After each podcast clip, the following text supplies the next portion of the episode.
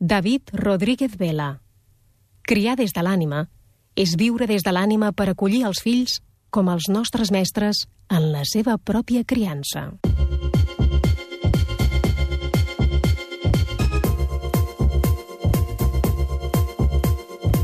Soc Rafael Vizquerra, director del postgrau en Educació Emocional i Benestar de la Universitat de Barcelona.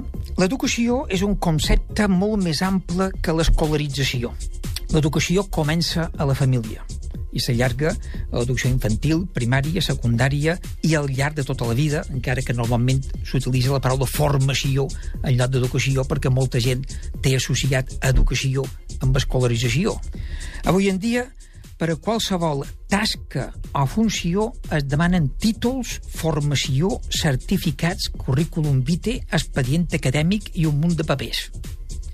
Excepte per ser pares i mares que no es demana res, sent probablement la funció més compromesa i difícil que podem tenir a la vida.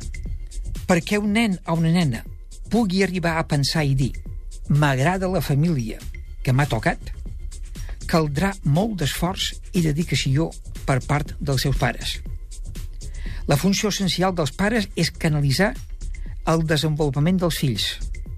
Això vol dir observar, saber escoltar, estar disponible, posar límits amb afecte, contenir les emocions, pors, ràbia, tristesa, frustració, acceptar que com a pares som models de comportament, els fills aprenen més del que veuen fer els seus pares que d'allò que els pares els diuen que facin.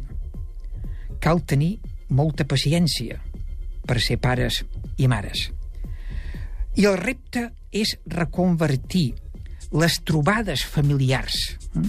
els àpats, els dinars, els sopars, els diumenges, les festes, les celebracions, els aniversaris, eh, tot això amb un motiu de compartir la satisfacció, el plaer, crear climes emocionals positius, eh, perquè el context familiar sigui un motiu de satisfacció, un motiu de creixement permanent i que, malgrat la necessitat de posar límits que tenen els pares, que això no sigui un obstacle per l'amor, per la pau, pel benestar, per la confiança i, en definitiva, per la construcció de la felicitat.